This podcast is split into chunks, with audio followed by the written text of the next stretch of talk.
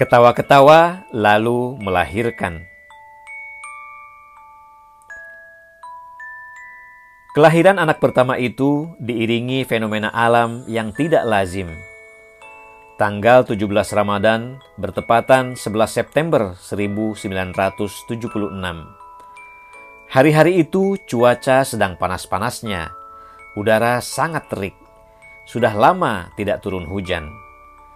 Ketika jabang bayi lahir, mendadak langit gelap menghitam. Halilintar menggelegar bersahutan Hujan pun tumpah sangat deras. Peristiwa itu hanya berlangsung beberapa menit dan cuaca kembali terik. Guyuran hujan seolah mengiringi kelahiran anak pertama Kures dan Fatmawati yang diberi nama Najela, nama yang sudah dipersiapkan Kures. Anak ini punya pangkat besar, dia akan jadi orang hebat, gumam Ammah Nuning yang menunggui proses kelahiran Ella, panggilan Najela di Solo. Persalinan di rumah itu dibantu bidan, berlangsung lancar dan relatif mudah. Sudah ada kesepakatan antara Quraisy dan Fatmawati, anak Tama akan dilahirkan di Solo. Alasannya, ibu dan keluarga di Solo ingin memastikan proses kelahiran berjalan lancar sesuai tata cara keluarga Jawa. Terutama kaitannya dengan jamu-jamu yang harus dikonsumsi atau dibalurkan ke tubuh dan perawatan selama 40 hari pasca melahirkan. Maka menjelang kelahiran anak pertama, Fatmawati diantar pulang ke Solo. Ella lahir dua pekan lebih cepat dari perkiraan dokter. Akibatnya, Quraisy tidak bisa menemani Fatmawati saat proses persalinan. Dua hari sebelum kelahiran, Quraisy balik ke ujung pandang karena mengira kelahiran masih dua pekan. Ia tengah mengaji saat mendapat kabar istrinya melahirkan. Kures pun segera terbang ke Solo. Anak kedua lahir setahun kemudian, 16 September 1977, bertepatan dengan Hari Raya Idul Fitri 1 Syawal. Kali ini Fatmawati melahirkan dengan bantuan bidan jaga di Rumah Sakit Pertiwi, Ujung Pandang, didampingi Kures. Kulitnya putih bersih mata bundar, dan rambut hitam lebat. Cantiknya, alangkah tinggi hidungnya. Begitu kata Emak Asma, nenek sang bayi, dan orang-orang yang menjenguk mengomentari hidung mancung jabang bayi. Seperti kelahiran anak pertama, persalinan kedua pun lancar dan mudah. Alwi Shihab yang sedang berkunjung ke ujung pandang dan turut mengantarkan Fatmawati ke rumah sakit juga takjub dengan proses persalinan yang begitu mudah. Mama enteng saja. Ketawa-ketawa lalu melahirkan. Komentar Alwi. Mama adalah panggilan akrab Fatmawati. Alwilah yang memilihkan nama untuk sang jabang bayi, Najwa, yang kemudian dipanggil Nana. Ella dan Nana tumbuh ketika Quraisy masih merintis kehidupan keluarga dari nol. Meskipun ia saat itu wakil rektor IAIN Alauddin, namun kondisi keuangannya pas-pasan. Keluarga muda itu hidup sederhana, tidak memanjakan diri dengan macam-macam keinginan. Tapi satu keinginan yang kerap mengganggu pikiran dan tidak pernah mampu Quraisy bendung adalah melanjutkan kuliah, meraih gelar doktor. Jangan pulang sebelum doktor. Pesan Aba Abdurrahman selalu terngiang-ngiang, tertancap di dalam kalbunya.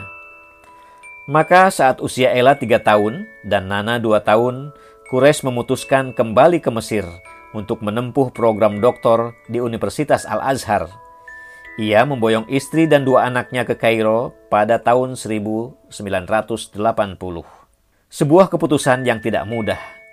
Biaya untuk studi memang tidak masalah, tapi uangnya tidak cukup untuk menghidupi keluarga di Mesir. Untuk tempat tinggal, kebutuhan sehari-hari, juga biaya sekolah dua anaknya. Di sinilah Quraisy kembali mencatat jasa besar adik sekaligus sahabat terdekatnya, Alwi. Alwi memiliki koneksi yang sangat luas, termasuk orang-orang kaya di Arab Saudi.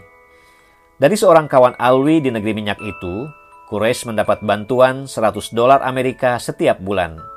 Uang itu dirapel setiap tiga bulan. Dengan dana pas-pasan itulah, Quraisy berjuang menuntaskan penulisan disertasi di bidang ilmu tafsir. Perjuangannya tidak sia-sia. Ia berhasil meraihnya dalam waktu sangat singkat, dua setengah tahun. Hidup di negeri orang dengan dua anak kecil sungguh merepotkan. Fatmawati dan Quraisy pun sepakat tidak menambah anak selama di Kairo. Keduanya melakukan sejumlah upaya untuk menghindari kehamilan. Tapi menjelang akhir studi, kami merencanakan hamil sebagai kenang-kenangan selama di Kairo, kata Fatmawati. Ujian promosi disertasi tertunda karena promotor diganti. Jadi Fatmawati pulang duluan dengan Ella dan Nana saat hamil tujuh bulan. Quraisy dan Fatmawati sangat berharap anaknya kali ini laki-laki. Tapi Tuhan berkehendak lain, bayi perempuan lagi. Begitupun Quraisy tetap menyambutnya dengan gembira dan penuh syukur. Apalagi kelahirannya melengkapi kebahagiaan Quraisy meraih gelar doktor. Ia gembira bukan semata karena berhasil meraih pencapaian tertinggi akademik, tapi sekaligus memenuhi amanah Aba. Merefleksikan kegembiraan itu, anak ketiga yang lahir di Solo 29 Agustus 1982 diberi nama Nashwa yang berarti puncak kegembiraan. Hasrat memiliki anak laki-laki tidak pernah padam. Doa-doa selalu dipanjatkan, dan sepuluh bulan kemudian terkabul. Quraisy girang bukan kepalang ketika yang lahir anak laki-laki. Si jabang bayi yang sangat dinanti-nanti itu diberi nama Ahmad, nama lain untuk Rasulullah Muhammad SAW. Ahmad lahir pada 1 Juli 1983.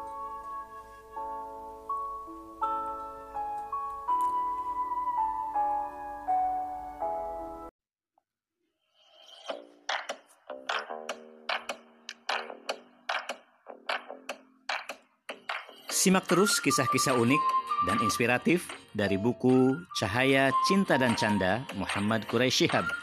Hanya di The Clouds